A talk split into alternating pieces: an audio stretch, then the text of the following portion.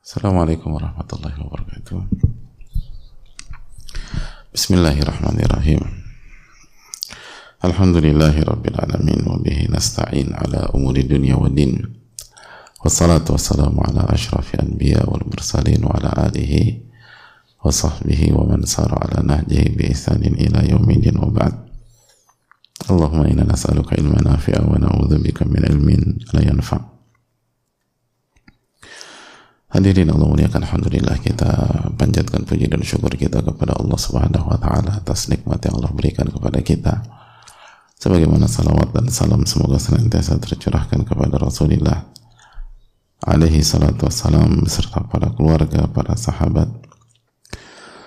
dan orang-orang yang istiqomah berjalan di bawah naungan sunnah beliau sampai hari kiamat kelak. Hadirin Allah muliakan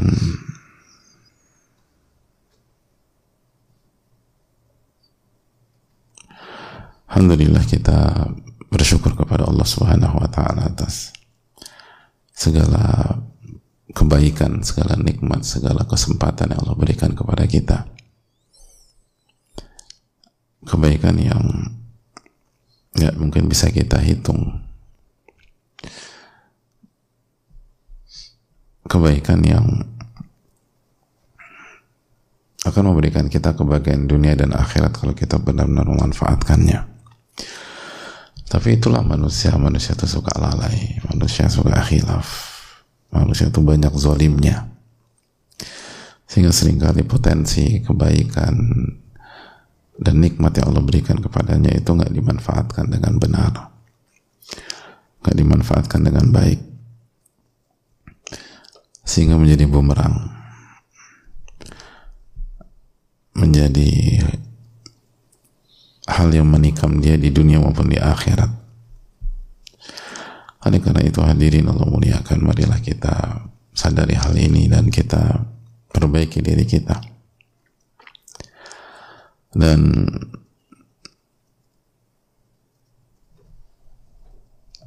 hadirin Allah muliakan, pentingnya kita memberikan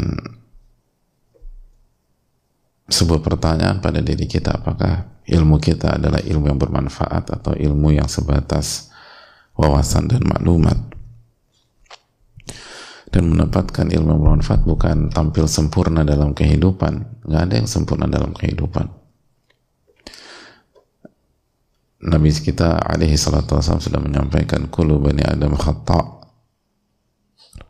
dan setiap anak Adam banyak sekali melakukan kesalahan. Wa khairul khata'ina tawwabun dan yang terbaik dari mereka adalah orang yang paling banyak bertaubat. Gak ada kesempurnaan dalam hidup. Gak ada steril dari kesalahan dalam kehidupan. Namun ketika seseorang mendapatkan ilmu yang bermanfaat maka ia akan meminimalisir kesalahan dan kekhilafannya. Dan ia akan segera tutup kekurangannya dengan taubat dan istighfar kepada Allah Subhanahu wa taala. Dan dia akan terus memperbaiki diri dan dia akan mendapatkan kebahagiaan. Dia akan mendapatkan ketenangan hidup. Dia akan mendapatkan apa yang dicari oleh seluruh manusia dalam kehidupan mereka masing-masing tapi hanya sedikit yang mendapatkannya yaitu sekali lagi ketenangan jiwa kebahagiaan hati di dunia maupun di akhirat. Hayatan tayyibah kata Allah subhanahu wa ta'ala. Kehidupan yang bahagia.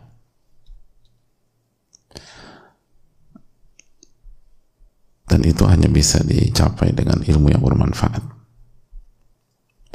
ilmu yang melahirkan amal dan iman. Ilmu yang uh, merealisasikan apa yang Allah firmankan dalam surat An-Nahl ayat 97 Man amila salihan min dzakarin aw untha wa huwa mu'min falanuhyiyannahu hayatan thayyibah Barang siapa yang beramal soleh baik laki-laki maupun wanita dalam kondisi beriman maka Allah akan anugerahkan kehidupan yang bahagia. Kata para ulama ilmu yang masuk ke dalam hati bukan hanya berakhir di otak dan kepala.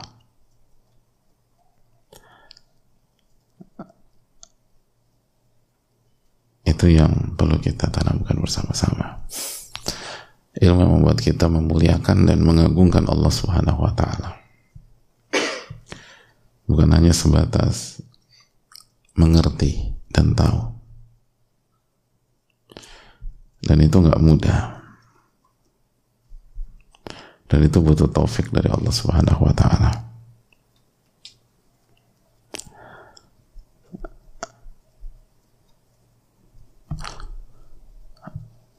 uh, Al-Imam Ibnul Jauzi rahimahullah hadirin pernah menyampaikan kata beliau ikhwani wahai saudara-saudaraku. Isma'u nasihata man qad jarraba wa khabar.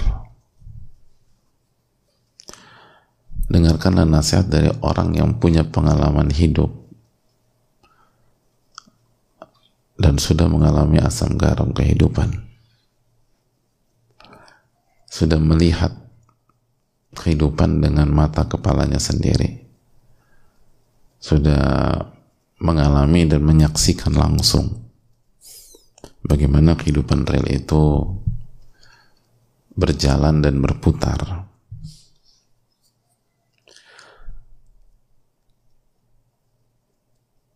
Nah kata kata Imam Ibnu Jauzi tolong dengarin mereka. Karena mereka bicara bukan dengan teori lagi bukan bicara tentang bukan dengan uh, menurut gue lagi enggak. Gitu.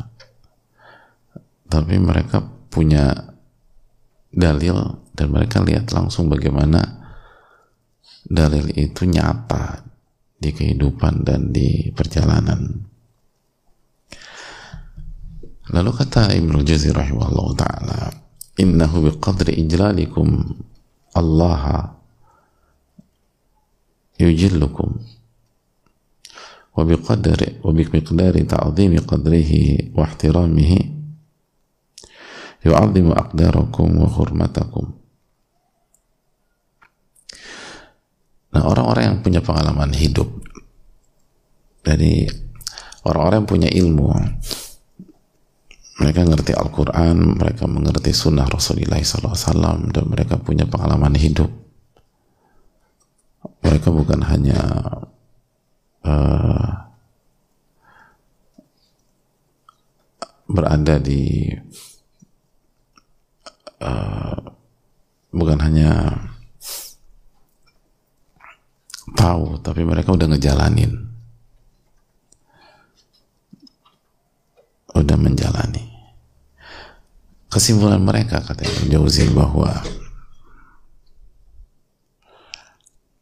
Allah akan memuliakan kalian itu sesuai dengan bagaimana kalian memuliakan Allah Subhanahu wa taala.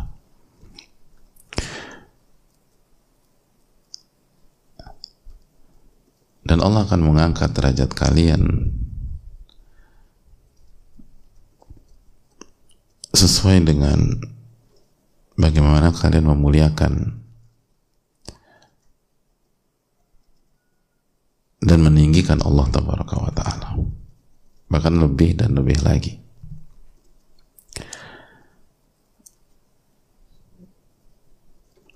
Jadi kalau mau dimuliakan oleh Allah muliakanlah Allah tabaraka wa taala.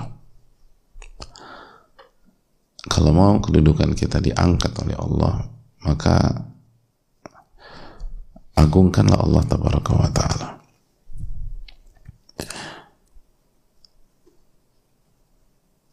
Allah berfirman dalam surat Al-Hujurat ayat pertama ya ayyuhalladzina amanu la tuqaddimu baina idillahi wa rasulih.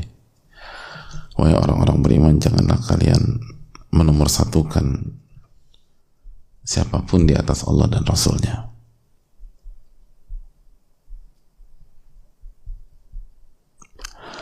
Hadirin Allah muliakan. Nah pertanyaannya dalam kehidupan kita sudah sudah ada di titik itu atau belum dan ilmu yang kita pelajari setiap hari Riyadus Solihin misalnya apakah sudah mengarah ke sana atau belum? Karena pihak yang kita muliakan itu pihak yang kita prioritaskan hadirin. Kalau kita memuliakan maka kita akan prioritaskan kalau kita memuliakan dan meninggikan, kita akan menomorsatukan. Nah, bagaimana hal itu terjadi dalam kehidupan kita? Dan kalau kita berhasil menjalani kehidupan di titik itu, maka Allah akan muliakan, Allah akan tinggikan kita, Allah akan angkat derajat kita, Allah akan berikan pertolongan. Dan ilmu kita adalah ilmu nafi. Tapi kalau ilmu kita hanya sampai pada titik ngerti, ya gue tahu. Tapi udah habis kajian ya balik lagi.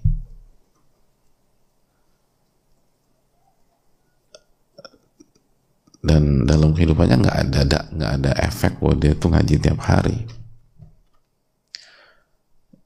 Kajian tuh hanya rutinitas aja gitu. Nggak ada ruh, nggak ada nggak ada spirit, nggak merubah setiap selesai kajian ya balik lagi gitu-gitu lagi. Ngomongnya nggak salah lagi ngomongnya nyablak lagi ngomongnya nggak mikir lagi.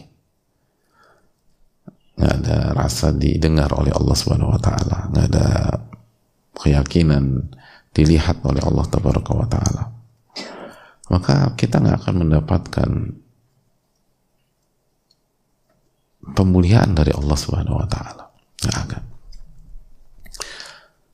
Kata Imam Ibn Jauzi, ini nasihat dari orang-orang yang sudah makan asam garam kehidupan. Pola hidup tuh begitu. Pola hidup tuh begitu. Hanya mengandalkan hafalan, hanya mengandalkan pemahaman, hanya mengandalkan uh, wawasan, tapi dalam hidupnya tidak memuliakan Allah tidak mengagungkan Allah, tidak menomorsatukan Allah SWT.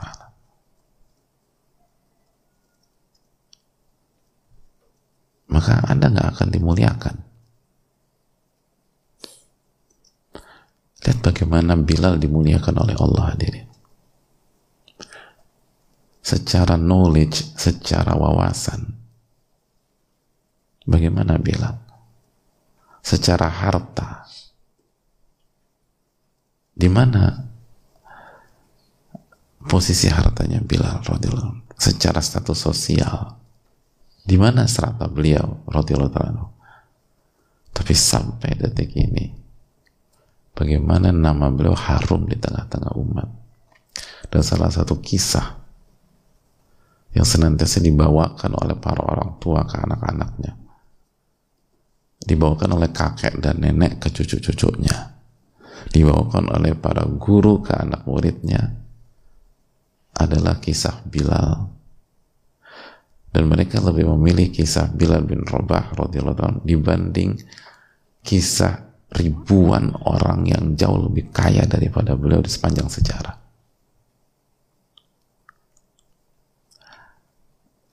Kita lebih memilih menceritakan Bilal menjelaskan keutamaan Bilal dibanding jutaan tokoh yang lebih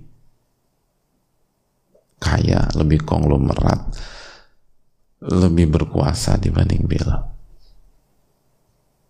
Dan itu nggak ada deal dengan Bilal dan keluarga, gitu. Kita nggak dapat apa-apa gitu. Kita nggak pernah ketemu tim marketingnya Bilal, dan memang nggak ada lu cerita tentang bila radhiyallahu ya. Kita akan bayar sekian nggak ada. Dan bagaimana Allah muliakan. Terus apa yang dilakukan oleh Bilal? Radhiyallahu kok bisa sih dimuliakan seperti itu? Karena beliau lulusan fakultas agama lalu IPK-nya summa cum laude? Bukan. Karena beliau terkenal dengan prestasi dan piala dan piagam-piagamnya bukan juga karena beliau anak orang kaya enggak beliau budak dan justru dari perjalanan Bilal bin Rabah radhiyallahu taala yang paling sering diingat oleh umat itu pas ngapain? Pas sedang apa? Naik naik ke podium terus angkat piala. Justru pada saat ketika kondisi yang tidak kondusif secara duniawi.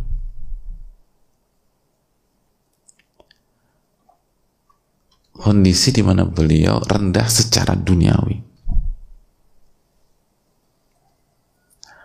Kondisi di mana banyak orang hari ini nggak ingin diketahui oleh orang lain. Tapi justru kondisi-kondisi itulah yang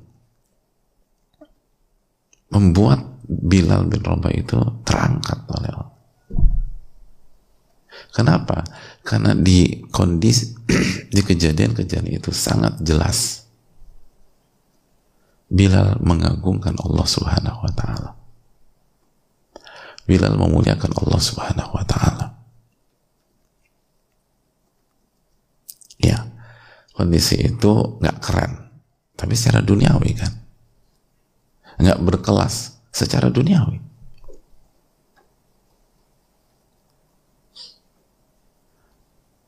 Nggak menunjukkan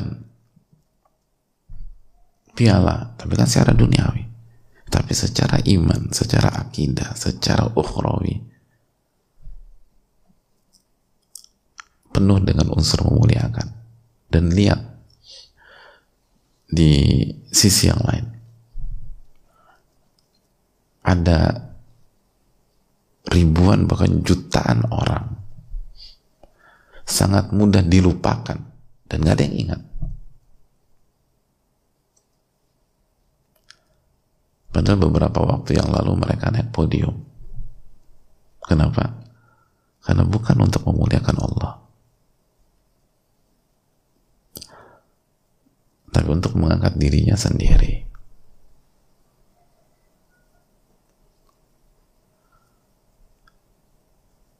Maka Allah nggak memuliakan dia.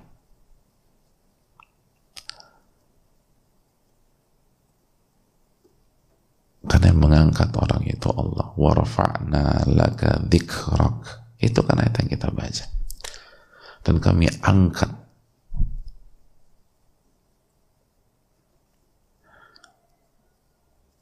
kami angkat namamu wahai Muhammad. Kami angkat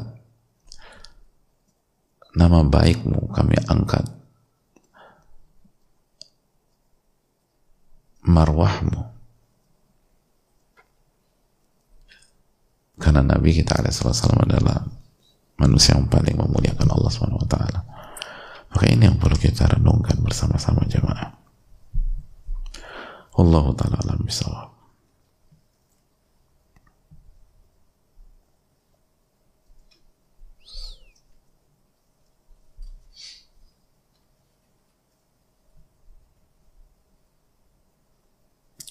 Kita buka sesi tanya jawab. Wassalamualaikum Muhammad.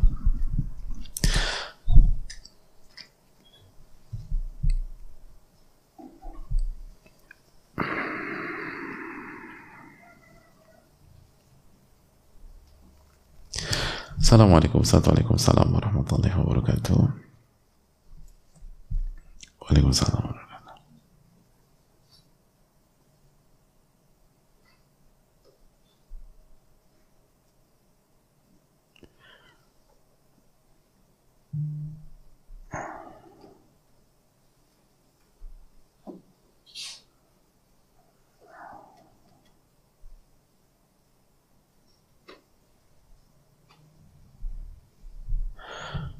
Uh, semoga kesehatan dan kebahagiaan senantiasa selalu mengiringi Ustadz dan keluarga serta para ulama dan kaum muslimin dan muslimat di mana pun berada. Amin. Ya alamin. Wa iyakum.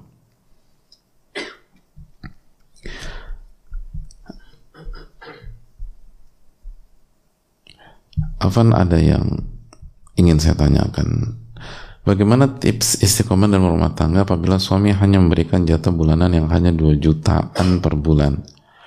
Dan kalau saya meminta lagi untuk belanja, beliau suka tidak berkenan dan marah. Sedangkan selalu ingin ada makanan di rumah. Bahkan kadang-kadang saya dan anak suka menahan lapar karena tidak ada makanan. Padahal penghasilannya berada atau berlebih. Beliau lebih mengutamakan membeli logam mulia untuk menabung membuat rumah dengan cara halal. Tidak pakai hutang riba. Karena memang kondisi kami belum ada rumah, masih ngontrak. Jadi saya lebih sering berusaha sabar untuk hal itu. Apakah itu wajar Ustaz? Apakah saya sebagai istri tidak boleh meminta lebih untuk jatah bulanan yang diberikan? Jazakallahu khairan barakallahu fikum Ustaz. Ya terima kasih atas pertanyaannya. Uh, hadirin Allah muliakan.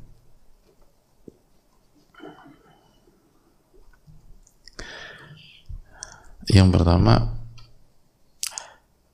uh, selalu kita atau ulama itu mengajak kita selalu melihat dari dua sisi hadirin. Selalu demikian. Mari kita bahas dari sisi suami dulu. Suami kalau ngasih 2 juta per bulan, wajar nggak? Nah, ini kita cari para suami. 2 juta per bulan hit berapa juta per bulan hit? Kasih istri. Kok senyum itu loh? Hah? 2 juta tuh? Enggak, bukan level antum 2 juta. Oh belum. Oh belum menikah ya Hah? yang udah nikah 2 juta sebulan oke okay nggak ya, absen tanya ibu-ibu ibu-ibu istri itu 2 juta sebulan oke okay nggak? Nggak juga ya. Ternyata itu menakutkan ya. Bapak-bapak sampai suami eh, istri antum tuh nggak berani komentar loh. Kata ibu-ibu buka aib nggak boleh pak ustad di depan guru. 2 juta per bulan itu hukumnya halal apa haram? Halal semua laki-laki bilang itu udah kebanyakan Pak Ustaz hukumnya kan sudah kita bahas tergantung tergantung income kita. Karena Allah berfirman liun fikdu sa'atin min sa'ati dalam surat At-Talaq ayat 7 ini perintah liun fikdu sa'atin min sa'ati hendaklah seorang suami menafkahkan atau menafkahi istrinya atau keluarganya sesuai dengan kemampuannya. Wa man qudira alaihi rizquhu barang siapa yang rezekinya sedikit, income-nya sedikit, falyunfik mimma atahu Allah, maka hendaklah dia memberikan sesuai dengan rezeki yang Allah kasih ke dia pada saat itu. La yukalifullahu nafsan illa ma ataha. Allah nggak memberikan apa beban kecuali sesuai dengan apa yang Allah kasih ke orang itu. Jadi kalau income-nya sekian, i, i, apa rezeki yang Allah kasih kepada suami per, di bulan itu 2 juta, maka kasih nafkah ke istri 2 juta kebanyakan. Ya kan? Rezekinya cuma 2 juta, masa semuanya kasih ke istri? Kan harus dipilah-pilah. Tapi kalau income-nya satu bulan 750 juta. Ya 2 juta per bulan. Kebanyakan juga Pak Ustaz wah itu orang pelit. Ya kurang lah 2 juta per bulan. Jadi ini tuh tergantung. Tergantung income kita tuh berapa. Itulah indahnya Islam. Liun fiktu sa'atin min sa'ati Makanya dalam dalam dalam dunia fikih ada pertanyaan apakah istri harus didukung dengan ART? Jawabannya apa? Tergantung kondisi. Dan pembahasan itu cukup panjang dalam ilmu fikih. Jadi itu tadi lihat income-nya suami itu bagaimana. itu poin buat yang pertama. Poin yang kedua, kalau memang kita punya kelebihan, jangan jangan pelit dan jangan hitung-hitungan sama istri dalam arti berikanlah sesuai dengan standar yang Allah gariskan. Karena pasti lebih berkah. Arahan Allah itu pasti lebih berkah. Pasti lebih uh, maksimal dan pasti akan mengundang rizki yang lebih berlimpah gini loh hadirin kita Nabi SAW bersabda gini kan tadi cita-cita kita pengen beli rumah kan dengan cara yang halal. Tapi SAW bersabda mana kasat sadaqatun min mal. Sedekah itu tidak akan mengurangi harta. Itu jelas. Sedekah gak makan ngurangin harta. Pasti akan memberikan keberkahan kelapangan dan lain sebagainya. Nah kalau kita sepakat dengan hadis ini maka gabungkan dengan hadis yang lain hadis muslim kata Nabi SAW dinarun anfaqtahu fisabilillah satu dinar yang engkau berikan di jalan Allah. Wa dinarun anfaqtahu fi raqabah. Dan satu dinar yang kau berikan kepada kepada seorang budak. Wa dinarun tasaddaqta bihi alal miskin, alal miskin. Dan satu dinar yang kau berikan sebagai sedekah kepada fakir miskin. Lihat. Sedekah kepada fakir. Dan tadi hadisnya apa tidak akan berkurang harta karena kita sedekahkan Nah ini satu dinar yang kita berikan kepada eh, kita sedekahkan kepada fakir miskin. Wa dinarun anfaqtahu ala ahlik dan satu dinar yang kau berikan sebagai nafkah kepada keluargamu. A'dhamuha ajran dan yang paling besar pahalanya. Yang paling besar ganjarannya. Yang paling banyak pembalasannya. Jadi balas lebih banyak sama Allah. Dikasih reward lebih banyak oleh Allah. Allah anfaqtahu ala ahlik. Itu yang kau berikan kepada keluargamu. Keluarga. Kepada istri. Itu hadir jadi itu poin. Makanya kata para ulama seperti Al-Allama Ibn Uthaymin rahimahullah. Beliau mengatakan salah satu masalah kita ini kita itu merasa dan menghayati sedang atau telah beramal soleh kalau kita bersedekah kepada fakir miskin. Kayaknya terharu banget kita nih. Tapi ketika kita kasih nafkah ke istri hambar perasaan kita. Bahkan sering kali nyesek gitu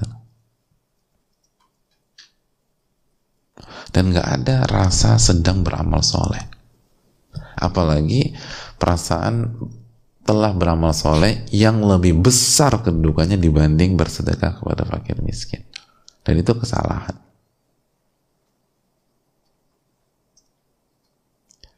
Ya nggak sih? Coba tanya coba tanya diri kita ini suami-suami ketika kita kasih uang bulanan ke istri kasih nafkah ke istri perasaan kita gimana? Bahagia nggak? Ya, bahagia kita ya Allah. Kenapa mas? Ya bini Pak Ustadz lah. Pak Ustadz kayak gak ngerti aja. Banyak orang tertekan ketika ngasih ke istrinya itulah padahal itu pahala paling besar. Pahala paling besar di antara opsi-opsi itu yang paling. Jadi menabung untuk rumah silahkan bagus tapi jangan apa namanya jangan sampai kita uh, melantarkan hak istri dan anak gitu. Itu hal yang yang penting. Sampai istri anak kelaparan itu jangan sampai terjadi. Jangan sampai terjadi. Dan dan apa kaidah kan mengatakan memenuhi hak memenuhi hak pada hari ini lebih dikedepankan daripada hak yang masih setahun lagi dua tahun lagi. Dan kita kan nggak diwajibkan harus punya rumah. Kewajiban kita menyediakan tempat tinggal untuk istri dan anak. Bisa beli bisa ngontrak bisa ngekos dan lain sebagainya. Bisa sewa. Dan di waktu yang sama kita harus memberikan makan kepada istri gitu loh. Dan anak. Jadi ini yang harus kita sikapi secara bijak itu dari satu sisi. Sisi yang lain dari sisi istri. Sisi istri bersabar dan kona'ah. dan edukasi pelan-pelan itu walaupun mungkin 2 jutaan itu apa itu uh, kurang tepat kalau kita ngeliat income suami namun kalau Allah kasih taufik kepada kita dan kita kedepankan sisi kona'ah kita, sabar kita, bahkan bersyukur kita, insya Allah 2 juta itu cukup kok sebulan. Gitu Cukup sebulan.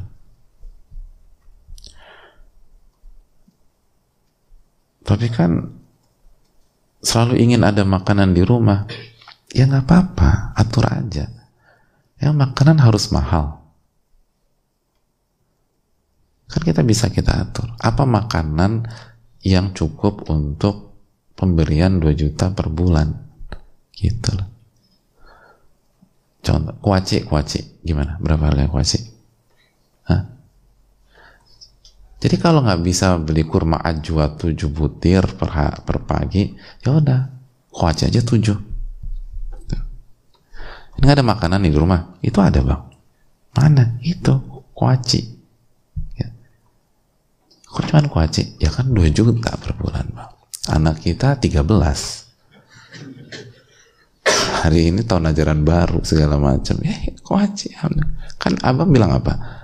Pokoknya gue nggak, aku nggak mau tahu harus ada makanan di rumah setiap hari. Ya itu. Kuaci sebungkus apa? Sekarang? Hah? 18 berapa isinya? Pernah ngitungin nggak? Alhamdulillah 18 ribu cukup lah sebulan tuh. Kalau nggak tujuh, kalau nggak cukup tujuh tiga gitu loh. Tiga, tiga. Pokoknya diatur aja lah, nggak usah. Ya kita nggak urus yang mahal-mahal, nggak sesuai. Bisa. Oh, sepekan ini Adina, saya ketemu sama orang-orang itu yang income-nya 2 juta per bulan. Ada yang satu juta per bulan. Income per bulan. Hidup tuh dan dan nggak nggak kurus kering gitu nggak gitu bayangkan di Jakarta satu juta per bulan nanti beli apa ya itu kan matematika kita saya pas ketemu nggak ada yang kecil sih enggak ini baru seminggu ini belum kalau kita bicara range satu bulan sangat seneng aja deh bisa itu bukan nafkah bukan nafkah ke istrinya, income-nya per bulan. Gimana kalau berapa berapa berarti berapa berapa yang dia kasih ke istrinya? Kalau income-nya aja 1,5 misalnya. Bisa.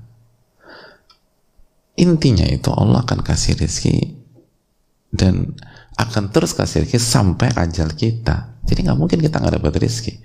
Kalau kita nggak dapat rezeki berarti itu mati itu poinnya. Udah selesai jatah umur kita di dunia ah itu berarti kita udah gak dapat rezeki lagi kalau kita masih hidup pasti ada rezeki itu di hari itu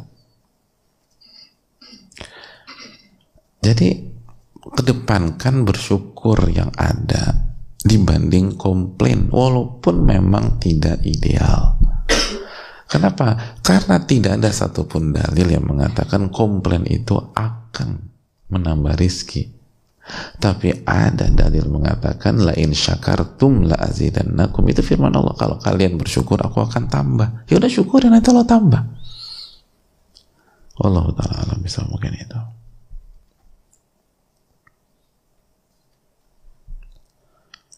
Assalamualaikum warahmatullahi wabarakatuh. Semoga Ustadz panitia seluruh jamaah selalu dalam lindungan Allah amin ya alamin. Ustadz bagaimana menghadapi lingkungan kerja yang sangat berpikir negatif dengan apa pun yang kita kerjakan? Dan bagaimana Ustadz cara memerangi diri dari stres karena permasalahan-permasalahan di tempat kerja yang mengakibatkan kurang terkontrolnya emosi dan ibadah menjadi hampa karena selalu ngerasa salah karena kurang bisa mengontrol emosi. Jazakallah khair Ustadz wa Yang pertama, jelas lingkungan kerja seperti ini nggak kondusif. Bukan bukan yang kita cari secara umum Uh, yang kedua, tapi lingkungan kerja nggak kondusif itu bukan penyebab stres kita, bukan. Bukan penyebab mental illness. penyebab kita stres itu nggak ada hubungannya dengan itu penyebab kita stres itu karena kurang zikir. Bukan karena lingkungan kerja. Hanya berpikir negatif. Ada banyak orang dapat lingkungan kerja yang mengapresiasi. Bahkan mengidolakan. Stres juga diri stres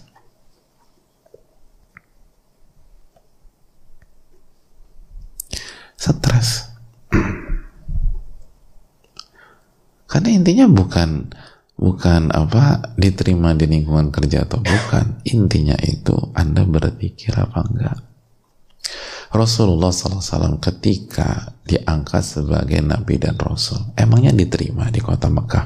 Gak diterima. Depresi, stres, hancur, enggak. Jadi itu poin yang perlu kita tanamkan. Lalu yang ketiga, Anda pun jadi gimana nih keluar apa enggak usah tergantung.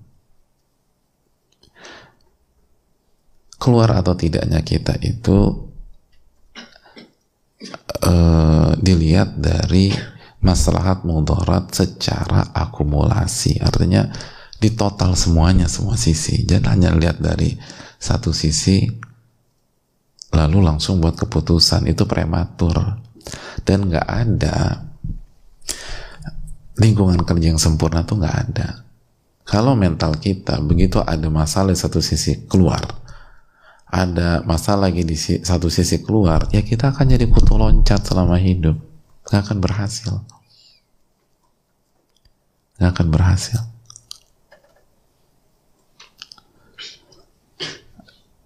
Karena itu kita tuh melawan melawan karakter kehidupan dunia.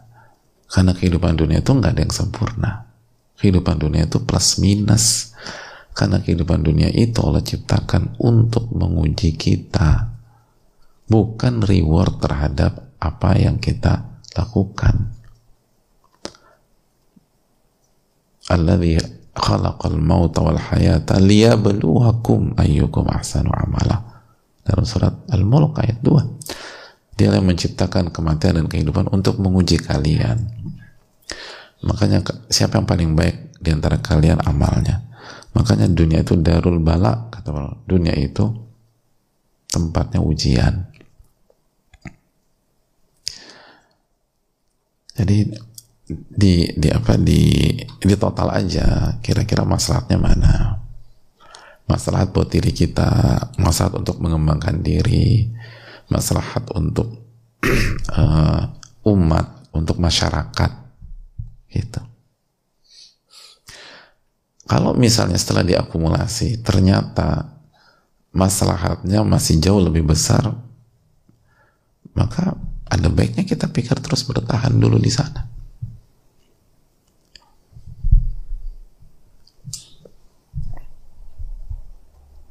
Kenal? Saya kenal uh, orang itu dia di di apa di disikapi nggak nggak nggak nggak baik gitu loh sama banyak orang di kantornya. Terus saya bilang sabar aja gitu loh. Kamu tuh masih muda gitu. Itu bagus buat masa depan jangka panjang sehingga mental kuat tapi harus diperbaiki beberapa hal di antaranya zikirnya tuh harus kuat sholat tuh dijaga terus rutin belajar, rutin ngaji, belajar ilmu ikhlas. Iman itu dikuatkan gitu. Dan alhamdulillah positif bagi beliau. Dan itu pelajaran mahal. Pelajaran mahal. Khususnya dari sisi mentalitas seseorang. Dari sisi jiwa, dari sisi spirit mental tuh baja tan banting dan dari sisi keikhlasan sehingga nggak peduli apa kata orang kalau memang nggak objektif yang dipedulikan adalah apa kata Allah kan kita enaknya hidup kan kalau kita itu fokusnya apa kata Allah bukan kata si A, bukan kata si B, bukan kata si C, bukan kata si D, bukan kata si E dan seterusnya. Tapi apa kata Allah dan apa kata Rasulullah SAW? Kalau apa kata para ulama kita yang menjadi jembatan antara kita dengan Al-Quranul Karim dan Sunnah Nabi SAW? Itu baru itu nyaman hidup.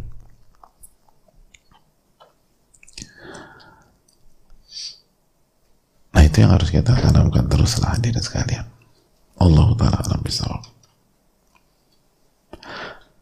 Semoga Allah memberikan taufik kepada kita dan semoga Allah memberikan ilmu nafi. Saya rasa cukup sampai di sini. Subhanakallah la ilaha illa anta astaghfiruka wa. Assalamualaikum warahmatullahi wabarakatuh. Kejar cintanya di bulan terakhir dari rangkaian bulan mulia. Mari isi bulan Al-Muharram yang mulia ini dengan beragam amal soleh yang mengundang rahmat dan cintanya. Salah satunya dengan berbagi pangan untuk saudara-saudara kita yang membutuhkan pangan.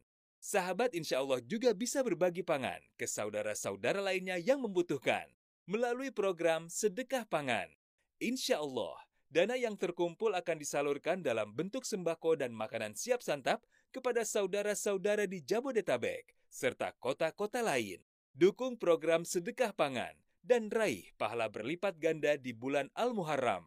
Salurkan sedekah terbaik kita melalui rekening CIMB Niaga Syariah 8600 1381 4400 kode bank 022 atas nama Muhajir Peduli Indonesia.